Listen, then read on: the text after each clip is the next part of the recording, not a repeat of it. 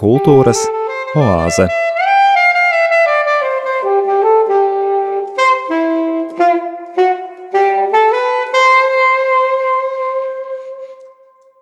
Esiet sveicināti, cienījamie radio Marija Latvija klausītāji! Ēterā laiks raidījumam Kultūras oāze un jūs sveicina tā veidotājs un vadītājs Normons Zariņš. Nu pat 4. maijā atzīmējām 33. gadskārtu, kopš Latvijas PSR augstākā padome pieņēma deklarāciju par Latvijas Republikas neatkarības atjaunošanu – Šī gada 1. un 2. jūnijā apritēs 35 gadi, kopš toreizējās padome Latvijas radošā inteliģence sarīkoja sanāksmi Latvijas PSR Rakstnieku savienības valdes plēnums ar dažādu radošo profesiju pārstāvniecību un citu valstisku svarīgu nozaru ekspertu piedalīšanos. Tajā pirmo reizi atklāti tika apspriestas latviešu tautas 20. gadsimta vēstures problēmas, tautas dramatiskais stāvoklis ekonomikas, politikas, demogrāfijas un kultūras jomā. Vēlāk par radošo savienību plēnumu dēvētā sanāksme ielika pamatus Latvijas trešai atmodai un valstiskās neatkarības atjaunošanai. Mums ir jāapzinās, ka jebkāda veida kultūras izpausme vai notikums nekad nav pilnībā atrauts no citām mūsu dzīves sfērām un atbildībām, taiskaitā valstiskuma. Šīs dienas raidījumā izvērstākas pārdomas par kultūras un politikas miedarbību, raidījuma viešņa, pasniedzēja, politiķe, tulkotāja un sabiedriskā darbiniece Kārina Pētersone – Sarunu papildina latviskas instrumentācijas Ozoliņu ģimenes ansambļa izpildījumā.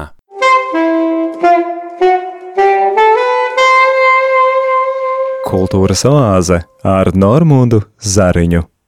Kultūra ir cilvēka esības veids, kas izpaužas cilvēka radītajās lietās un attieksmē pret dažādiem kultūras elementiem – Kultūra ietver sevī tehnoloģijas, mākslu, literatūru, mūziku, teātri, arhitektūru, zinātni, reliģiju, konkrētu sabiedrības grupu uzvedību un paradumus. Kultūra ir veids, kā cilvēki dzīvo saskaņā ar saviem uzskatiem, valodu, vēsturi, kā cilvēki ģērbjas, veido attiecības ar dabu un līdzcilvēkiem.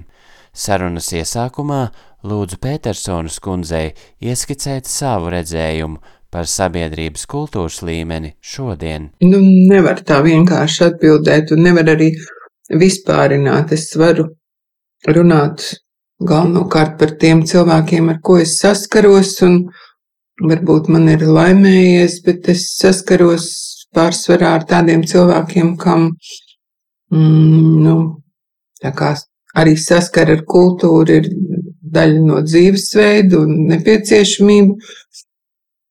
Un uh, es negribu arī vispārināt par jauniešiem, vismaz tie jaunieši, kas ir manā ģimenē un viņu draugi ir tādi, nu, zinātkāri, motivēti uzzināt, lasīt, pētīt, iedziļināties arī ar tādām neordinārām spējām, ar tādiem drusku citādu talantu nākuši pasaulē. Man liekas, ka mainās paudzes, ka ir sācies kaut kāds jauns laikmets, kad nomaina cilvēku tipi viens otru, jo es pamanu tādas, nu, maņas bērnos talantus, kas, nu, tam vecajam laikmetam nebija raksturīgi, tur ir kaut kādas citas saiknes ar, ar, ar visumu brīžiem. Es, man tā liekas, ka tā tas ir, ja viņi, mēs vēl īsti nespējam pat aptvert to, uz ko tie bērni būs spējīgi. Un, un nezinu, kā, kā tā viņa dzīve tālāk veidosies un kāda būs pasaule. Nu, no otras puses ir, protams, lietas, kas, kas sarūktina. Man ir tāda sajūta, ka uh, Es gan es piedaru pie tiem cilvēkiem, kas cenšas nekritizēt savus pēctečus, jo es esmu bijusi tur tajā politiskajā vidē un es zinu, cik tas ir grūti, sarežģīti, cik daudz tas prasa. Bet tas, kas mani mazliet mūsina, ir tas, ka ir drusku mm, tāda atsvešināšanās lielāka, nav tāda um, cilvēciska konkrētība lietu risināšanā, ka varbūt tāda paviršība un, un ka daudzas lietas ir pēc tam jālabo, ka tas viss tiek darīts ar tādu lielu vieglumu un kas man visvairāk mulsina, ka uh, nestāv uz papēžiem. Mēs, teiksim, es varu teikt tā, nu, kad es biju valdībā, mēs tā nevarējām atļauties neskaidrot, darīt, neatskaitoties, neskaidrojot. Man vispirms vajadzēja sabiedrību pārliecināt, ka tas lēmums ir nepieciešams, tā kā es saņēmu no sabiedrības tā kā tādu akceptu, ja, ka es varu iet tālāk, tad, tad mēs to darījām. Ja es saku mēs, nu tā, tā paudze, ja tas bija pirms 20 gadiem, tas ir sen, paudzes ir nomainījušās, un es jūtu, ka tā, tā atskaitīšanās savstarpējā ir vājinājusies. Tomēr tas man dara bažīgu, vai tas novedīs. Varbūt kā cilvēki zina, ko dara, un viņi uzņems šo atbildību, un tā, nu, ticēsim uz to labāko, bet var arī tā diezgan, nu, nošaut greizi, ja. Diezgan spēcīgi. Mm, bet uh, kas ir, mm, nu, par, par sabiedrības tādu ilgspēju domājot, ir ļoti svarīgi saglabāt um, saskari ar uh, to, kas gadsimtu gaitā ir, ir izauklēts kā tās nu, kultūras un mākslas izpausmes formas, jo, jo agrāk to ar to kultūras pasauli caur grāmatām, caur, caur vizuālo iespējām saskaries, jo tev attīstās tavu iekšējā pasauli, kļūst bagātāka, tev ne jau, protams, mēs visi zinām, ka ir labi agri mācīties mūziku, jo tas attīst tev, teiksim, matemātisko domāšanu tā, bet vēl ir svarīga emocionālā inteligence un cilvēks ar spēcīgi attīstītu intelektu, ja viņam klibo emocionālā inteligence, viņš nav, nu, īsti nav pilnvērtīgs cilvēks, ja. Un man drusciņi baida tas, ka šī, nu, tāda trenētība un tā intelektuālā attīstība notiek, bet tās emocionālās inteliģences izkopšana uh, nu, pārsvarā paliek novārtā ar ļoti skaistiem izņēmumiem, ko mēs, protams, pazīstam, un mums ir draugi un, un, un bērni, un tur daļā sabiedrības viss ir kārtībā. Ja? Tā kā tāds drusku lielāka atraušanās ir nekā iepriekšējās paudzēs starp vieniem un otriem, ja? Vai to plaisu varēs kādreiz pārvarēt, es, es nezinu, ja? Kādreiz bija tā kā tāds varbūt egalitārāk tā sabiedrība vismaz Latvijā, ja tāda, mm, varbūt bez tādām spilgt, nu, spilgt, spilgt atrāvienu, bet arī ne, ne tik ļoti noslāņojusies tādu iespēju ziņā vai mm, nu, tieši iespēju ziņā tā noslāņošanās tomēr notiek, un tas, tas nevar nedarīt bažīgi. Mm, es šobrīd mm, vēl joprojām vadu mm, Nacionālās bibliotekas atbalsta biedrību, un viens no mūsu skaistākajiem projektiem ir Tā ir tāda lasīt, lasīšanas veicināšanas programma maziem bērniem, trīsgadniekiem, četrgadniekiem, ko diemžēl mūsu valstī vēl nefinansē kā valstisku sistēmu. Ir tāds sporādisks kultūras ministrijas neliels atbalsts bija šogad, bet būtībā tā ir mūsu privāta iniciatīva, ko mēs uzskatām par ļoti svarīgu, kā trīsgadnieki tiek aicināti uz biblioteku un viņiem notiek pirmā iepazīšanās ar to, kas pavērs viņiem kādas brīnišķīgas lietas ir iespējams bibliotekā, un viņi nāk kopā ar vecākiem, ar ģimeni, Un viņi kļūst par lasītājiem pēc tam. Un tie bērni, kas pēc iespējas agrīnā vecumā, vai nu kuriem lasa priekšā, vai kā tas ir pētījumos pierādīts, ka viņiem daudz labāk veicas pēc tam skolā, un tāpat kā ja tu saskaries ar mūziku pēc iespējas agri. Un ja mūzika vēl nu, kaut ko maksā vecākiem, tad, teiksim, šī saskara ar grāmatu vai lasīšanu priekšā būtībā jau nemaksā neko.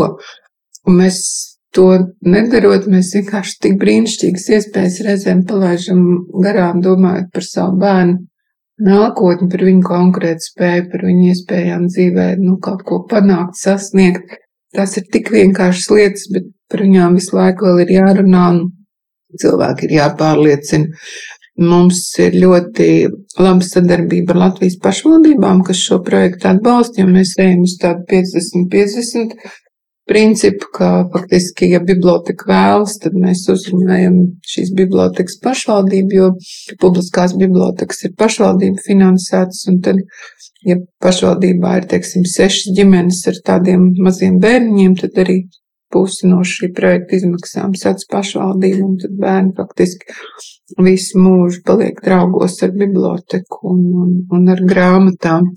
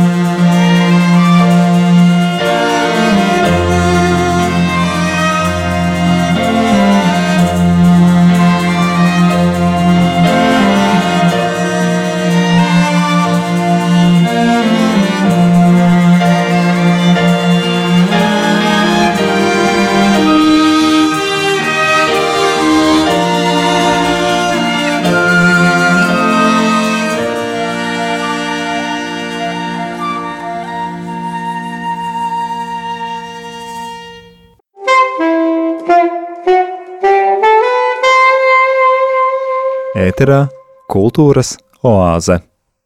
Daudzus gadus no savas dzīves Kārīna Petersona ir pildījusi vairākus svarīgus amatus valsts pārvaldē, sākot ar 1991. gada iesaukumu Latvijas Republikas augstākajā padomē. Laika posmā no 1998. gada 26. novembra līdz 2002. gada 7. novembrim bijusi kultūras ministre – Raidījumā Kultūras oāze jau vairāk kārt ir izskanējuši viedokļi un atbalsis par to, ka tieši radošajai inteliģencei nereti ir izšķiroša loma valstiski un starptautiski svarīgos procesos. Covid pandēmija un Krievijas-Ukrainas kara apstākļi nav izņēmums, tomēr vai ir kādas sarkanās līnijas, kuras radošo profesiju pārstāvjiem nevajadzētu pārkāpt? Manuprāt, radošam izpausmēs robežu nav. Uh, nu, viss tās robežas jau uzliek tādu ētiski morālu apsvērumu, ja mūsu pašu sirdsapziņu. Mm, bet domājot par radošiem cilvēkiem un, un sabiedrības tādiem kritiskiem posmiem, jā, nu, te jau spilgtākais apliecinājums ir radošo savienību plēnums, kas noformulēja sabiedrībai, kura tā kā modās, bet vēl nebija atmodusies toreiz 88. gada jūnijā, kurš kļuva par tādu sabiedrības sirdsapziņas balss, tā radošā inteliģence, tās bija visas radošās savienības, tas tāds spilgts piemērs, ka radošie cilvēki ir, nu, kaut vai ja mēs stādamies priekšā Marinu Kostaņets, kur arī toreiz ļoti spilgt uzstājās un, un citus arī mans tēvs piedalījās un runāja. Jāņa, Jāņa Peterins stila vispār ir apbrīnojama toreiz, un tā konkrētība un praktiskā varēšana arī to organizējot un vienojoties ar, ar to, to tā laika arī varas pārstāvjiem. Bet um, es, nu, varbūt tas ir tāpēc, ka radošiem cilvēkiem ir tādi kā atkailināti nervi, ka viņi ir trenējuši savu uztveri savu emocionālo rēģēšanu, un, un viņi ir jūtīgāki, viņi ir kā seismogrāfs sabiedrībā, kas uzrāda tās, nu, to, to, to, to ko varbūt uh, tas vidusmēra cilvēks neuztver. Tādus signālus, ka ir kritisks brīdis, ka ir iespējas, ka debesīs pavērs kādas iespējas, tā toreiz bija tāda, tas bija tiešām tāds vēsturisko iespēju brīdis, ko sabiedrības jūtīgākās dvēseles uztvēra un virzīja tālāk un aiznes mūs līdz, līdz, līdz brīvībai. Mm, es um, tādā, nu, pēc tam, kad sākās tā politikas ikdiena, kad jārada likumi un jāveic dažādas birokrātiskas procedūras, tad radošiem prātiem tas varbūt liekas pārāk um, sausi, praktiski vienkāršot, tad ir atkal tā, nu, juridiski, tehnokrātiski, ekonomiski izglītot cilvēku laiks, un tas ir likumsakarīgi, jā, un tad atkal, kad pasaulē rodas atkal kādas kritiskas situācijas, tā kā ar Krievijas agresiju Ukrainā, tad atkal mēs redzam, ka radošā inteliģence ir tā, kas arī vis, visprecīzāk jūt, kā ar kādiem vārdiem sabiedrību uzrunāt caur mākslu, to darot emocionāli, aicinoši, nos, nu, jebkurā tajā noskaņa gammā. Bet uh, tas jau atkal ir tāpēc, ka radošai inteligencei ir trenēta šī emocionālās inteligences, tas slānis viņos, un viņi ir mācīti sadzirdēt tos signāls, ja, ko, ko šīs emocijas un ārēji impulsi dod. Latvija ir bagāta ar augsta līmeņa kultūras jomas profesionāļiem un kultūras iestādēm, tomēr to veidošanas, pārvaldes un apsaimniekošanas procesos bieži tiek lausti šķēpi, sākot ar to, kā un kurā vietā celt, beidzot ar amatu sadali pašā iestādē, Bieži par kultūras procesiem valsts un pašvaldību līmenī lemj cilvēki, kuri apmierina savas politiskās intereses, kultūras jomas profesionāļus un patiesus kultūras mīļotājus izslēdzot vispār. Vai ir iespējams to izmainīt? Situācija nav kopumā traģiska pašlaik. Mēs tieši arī Nacionālās bibliotekas atbalsta biedrībā mēs esam arī izdevējs, un mēs strādājam ar visu Latvijas bibliotēku sistēmu, un pašvaldības ir mūsu partneri. Mēs esam izdevuši divus lieliskus albumus par, mm, par Birkarta Nacionālo biblioteku, jo tā ir mūsu specialitāte, bet pašlaik Jānis Drips apkopo skaistākās 21. gadsimta kultūra būs Latvijā, un tādu ir ap 60 viņš ir atlasījis, un ka tā uz to bagātību paraugās, ka tās visas tā kā saliek vienu vietu, tā aina nav tik bēdīga. Ir tomēr, mm, man tā likās, jā, nu, biblioteka ir tapusi, jā, un ka tā ir vienīgā kultūra būs 21. gadsimtā, ko mēs atstāsim saviem bērniem. Un tad, kad Jānis noliek blakus vēl 59, tad, ā, jā, ir tapušas, jā, koncerta zāles gan Cēsīs, gan Rezeknē, gan, gan Liepājā, ir bezgalīgi daudz jaunu, skaistu, lielu biblioteku, ne tikai nu, ir reģionu centros, pilsētās, bet arī uh, nelielās pašvaldībās ir vesels tāds biblioteku bums tagad sacēlies. Arhitektoniski skaistas, mūsdienīgas, aicinošas vietas, Tāpat ir fantastiska plejāde ar, ar muzejiem, kur ir vai nu renovētas vēsturiskas celtnes, nu sākot ar Undālu un Bauskas pili, ja, un arī ir ja, muzejiem veidotas jaunas sēkas, nu, teātru rekonstrukcija, ja, tagad vairākas būs, kas ir iestrēgušas, bet nu, viņas tomēr būs, ja, nu, mēs klibojam ļoti ar to Rīgas koncertu zāli, kad es vēl pirms es biju ministres, vadīju Rīgas kultūras komiteju un manā vadībā tāda kolektīva, tā, tur bija pieaicināti daudz jomu profesionāļi, mēs izstrādājam Rūg, Rīgas kultūra politikas koncepciju un tur bija ierakstīts, ka Rīgai ir nepieciešama koncerta zāle kā Rīgas būve, ja, un tas bija 1997. gads, bet man par brīnumu bijušās kolēģis teica, ka viņi joprojām vēl strādā pēc šīs koncepcijas. Ja? Tā kā nu, daudz laika ir pagājis, un Rīgai vēl joprojām nav tādas īpaši tam būvētas koncerta zāles, bet būs. Esmu pārliecināta, ka būs politiskā griba un apņēmība ir.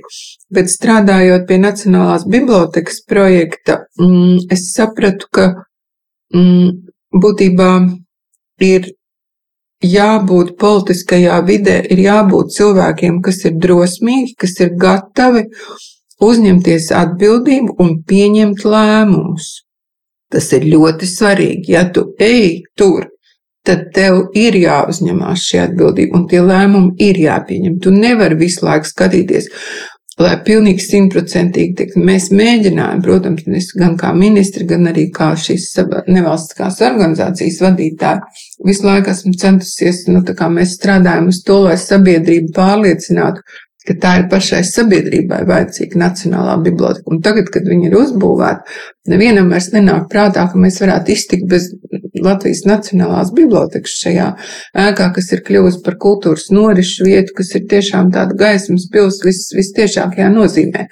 Toreiz pārliecināt sabiedrību par to bija ārkārtīgi grūti, un es nedomāju, ka, ja tagad atkal mēs jautātu sabiedrībai vai vajag koncertu zāli, ka mēs saņemtu apliecinošu atbildi, tāpēc jau ir politiskie nu, politiķi, kā cilvēki, kuriem tauta ir uzticējusi atbildību. Ja? Viņi ir ievēlēti, tad lūdzu, tev ir mandāts, rīkojies, tā ir tava lemšana, es tik drosmīgs un eju uz priekšu, jo nekā citādi mēs netiksim pie šīm kultūra būvēm. Ja nekad nebūs tā, ka mēs referendumos varēsim to izlemt. Ja?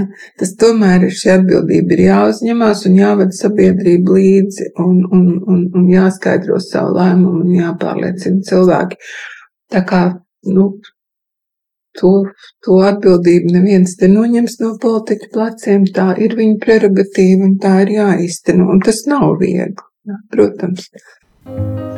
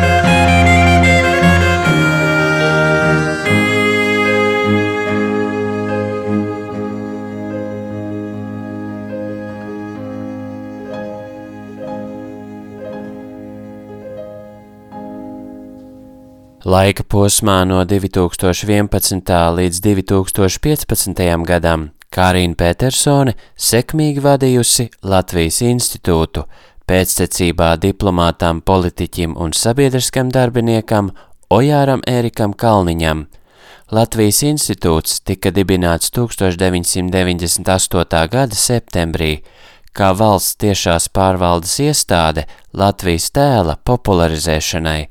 Turpinājumā Petersons kundzes atskats uz Latvijas tēla veidošanu toreiz un tagad. Mēs bijām ļoti neliela komanda, četri cilvēki manā vadībā, bet mēs tiešām radījām tādu tajā laikā, kad Latvijas institūts darbojās aktīvi un vēl saņēma finansējumu no ārlietu ministrijas. Mēs centāmies nosakt vairākus tādus laukus, lai būtu rezonants ārpusē. Mēs ļoti centāmies skaidrot jūtīgās Latvijas vēstures tēmas, visus tos aplamos mītus, ebreju vēsturi, leģionu vēsturi, brīvības cīņas, attiecības ar minoritātēm vēsturiski un šodien.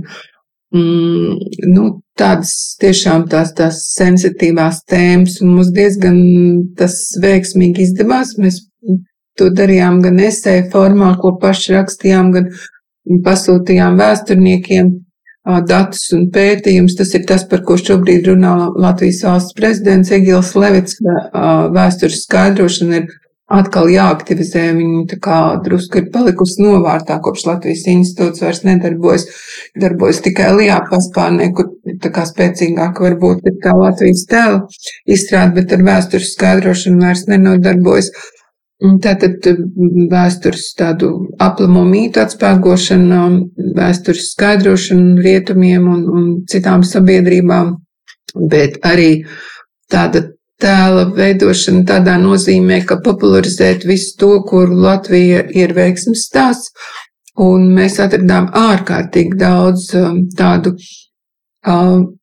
nu, procesu, norišu, cilvēku personību sasniegumu, kuru Latvija var būt atpazīstamība, un uz tiem arī to uzsvaru likām, un tos mēģinājām visdažādākā veidā ar sociālajiem tīkliem, filmām, ierakstiem, publikācijām, caur ļoti apjomīgu portālu, kurā viņš bija interaktīvs tāds Latvija.eu Un faktiski tā rezonance bija liela, jo par mūsu publikācijām mēs saņēmām gan strīdīgus tādus uzbrēcienus tur no Vizentāla centra, tātad viņas tika pamanītas, gan arī publikācijas bija lielajā presē, žurnālistu apmeklējumi bija ar interesi tieši par to, ko mēs varam piedāvāt.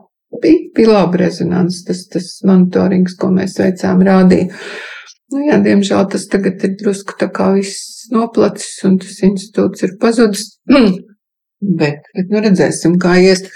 Tā kā es saprotu, ka mm, mēs nevaram uh, iegūt tādu atpazīstamību kā valsts ar lielu ekonomisku potenciālu, bet mūsu atpazīstamība ļoti bieži nodrošināja sporta un kultūras izcilības pasaulē. Viņas tā kā pavēra durvis un, un to vārdu Latviju uh, padarīja pazīstamu no, nu, no citas puses, uh, nu, sākot jau ar Gidaunu Krēmeru un Maris Jansonu, ja, kur, kur iznes Latviju vienu no pirmajiem pasaulē, vai, vai tas, vai te, te, te meitenes. Bet es domāju, ka šī, šīs lietas neapstājas, bet pašlaik ļoti aktuāli ir jauno tehnoloģiju, inovatīvo uzņēmumu, tā iziešana pasaulē no Latvijas farmakoloģija, neatstarojošais stikls, nu, dažādas tādas ļoti mikrofoni, dažādas inovatīvas, tādas skaistas, izcilas, pievilcīgas lietas, kas, kas tomēr nostiprina to Latvijas prestižu kā tādas inovatīvu, konkurētspējīgas valsts ar zaļu dabu un talantīgiem cilvēkiem. Es teikšu, tāds tas tēls veidojas, un tādu mēs viņu centāmies veidot. Krievijas iebrukums Ukrainā un globālais apdraudējums Latvijā beidzot ir reāli sakustinājis virkni jautājumus un procesus, kurus nesam varējuši atrisināt vairāk kā 30 gados kopš neatkarības atgūšanas – piemēram, pilnīga pāreja uz mācībām latviešu valodā, okupācijas pieminekļu nojaukšana un citus. Kāpēc tik ilgi bija jāgaida? Nu, pirms neatkarības atgūšanas mēs bijām pārāk lielā mērā pieraduši prasīt un gaidīt arī atbildību no citiem. Un tad, ja kaut kas nenotika mums paprātam, tad varēja tos svešos kritizēt. Nu, kad mēs savu neatkarību atguvām, tad visa atbildība par to, kas valstī notiek, pilnībā gulās uz mums pašiem. Izņemot varbūt tās lietas, ko varēja kārtot vienīgi starptautiskā līmenī. Un tā kā starptautiski vairākās jomās nebija iespējams panākt Latvijas deokupāciju un Krievijas ietekme bija pārāk spēcīga, nu, tad mums atlika ar visām okupācijas paliekām cīnīties pašiem vien. Un dažas no tām, tā skaitā iepludinātās citautiešu masas, bija pārāk ievērojamas, lai tik īsā laikā, 30 gados, mēs varētu pašu spēkiem tikt ar šādu nopietnu demogrāfisku un sociālu problēmu galā. Nu, un vēl mēs katrs varētu pajautāt paši sev, vai es esmu brīvprātīgi gājis vai gāju uz Krievu skolā mācīt latviešu valodu, piemēram. No, nu, no otras puses, var teikt tā, arī mūsu pašapziņa un apziņa par to, kādai ir jābūt Latvijas valstī, ir veidojusies mums pašiem, tā teikt, pieaugot. Un uz tādām lietām, uz ko varbūt sākumā neiedrošinājāmies. Nu, ja tā var teikt, karš mums palīdzēs saņemties un to uzdrošināties, jo karš ir sāsinājis attieksmi cilvēkiem abās pusēs, un tas ir saprotami.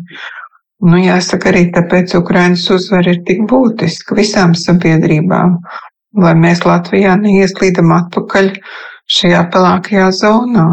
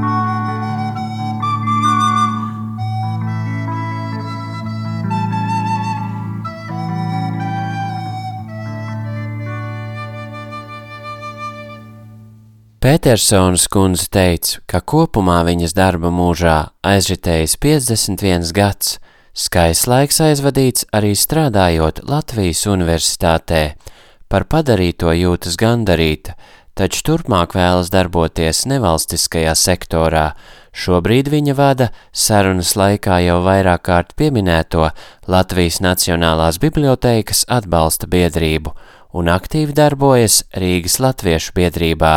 Sarunas noslēgumā viņa ieskicē abu minēto organizāciju aktualitāti šodien un tuvākās nākotnes ieceres. Tagad man gribas to pieredzi un tos kontaktus un varbūt arī zinām tādu autoritāti, kas ir sasniegta dotam nu, sabiedriskajam sektoram, nevalstiskajam sektoram. Nacionālās bibliotekas atbalsta biedrībai, kur mums skaisti projekti arī biblioteku dizaina ziņā. Mums tāds projekts ir par iedvesmas biblioteku, kur mēs esam mm, iezīmējuši finansējumu katru gadu trim līdz piecām bibliotekām, kur mēs īstenojam bibliotekāru sapni kopā ar pašvaldību, ka bibliotekai jākļūst aicinošai videi jo arī vietējā sabiedrība ir pelnījusi reģionos kaut ko tādu kā Nacionālā biblioteka. Ir jābūt tām kultūra vietām. Viņas nevar būt tādos vienkārši padomu stilā, tādos vecos dzīvokļos, plaukt rindā un tumsa. Nu, nē, biblioteka ir tikšanās vieta, nu, tiešām informācijas iegūšanas un literāru sarunu vieta. Mēs ļoti arī visā Latvijā piestrādājam pie tā, lai viņas kļūtu par tā, lai tās kļūtu par tādām vietām, Un otra vieta, kam es pašlaik mēģinu to savu pieredzi un zināšanu sadot, ir Rīgas Latviešu biedrība, kur es esmu gan domē, gan valdē. Un valde ir tāds kā saimniecisks orgāns, jo ir jāsaprot, ka Rīgas Latviešu biedrība ir, mm, tā ir vecākā organizācija Latvijā, kas ir nācijas šūpuls. Latviešu biedrība nodibināja 1868. gadā.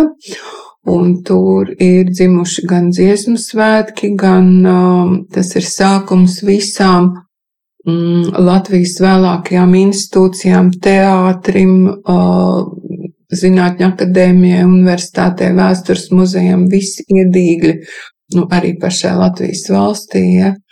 Tomēr, jo tur pulcējās izglītota un atbildīga sabiedr, latviešu sabiedrības daļa, kas faktiski izloloja visu nāk to, kas pēc tam veidojās jau kā Latvijas valsts no 18. gada. Kāpēc Latvija nedibināja Latviešu biedrībā? Tāpēc, ka bija sācies jau bija gan pilsoņu, gan, gan, gan Pirmais pasaules karš, gan atbrīvošanās cīņas, un tur no turienes izvadīja pirmos kritušos karēvis, un tur bija hospitāls. Un tā māja bija pilna ar, ar, ar, ar karavīriem, un tāpēc vajadzēja meklēt to telpas Rīgas pilsētas otrajā teātrī. Citādi valsts būtu dibināta Latviešu biedrībā, bet ir jāsaprot, ka Rīgas Latviešu biedrība kā vērtība ir tāds mantojums, kas līdzinās brāļu kapiem, kas līdzinās brīvības piemineklim, kā nācijas šūpuls, un Latviešu biedrība pašreiz uzņēmusies par to atbildību, bet uh, Latviešu biedrība nesaņem dotāciju ne no valsts, ne pilnīgi autonoma nevalstiska organizācija, kurai Nu, teiksim, tāpat kā visām citām lielām mājām, mēs saņēmām rēķinus šogad 42,000 par apkurtu, 12,000 par elektrību vienā mēnesī. Nu, mums ir jā, jāprot nopelnīt tā naudu, lai mēs varētu tos rēķinus samaksāt, mēs šo ziemu būsim veiksmīgi pārlaiduši. Bet ir tā māja ir visu laiku jāatdzīvina, tur ir jābūt cilvēkiem un norisēm, kultūras norisēm, tur darbojas kori, deju kolektīvi, bērnu kolektīvi, tur tāds izglītības un kultūras centrs. Bet par tā uzturēšanu ir jādomā, un tad par to rūpējas šobrīd Latviešu biedrības valde, kur es arī darbojos. Thank you.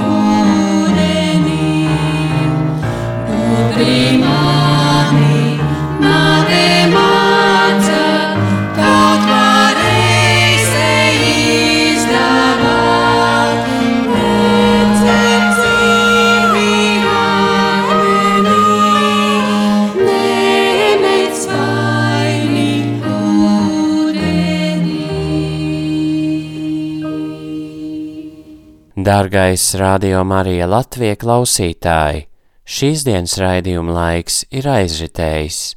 Paldies par kopā būšanu! Uz sadzirdēšanos 20. jūnijā pulkstens 17. kad sarunā par literatūru laiku mainībā tiksimies ar rakstnieci Noru Ikstenu.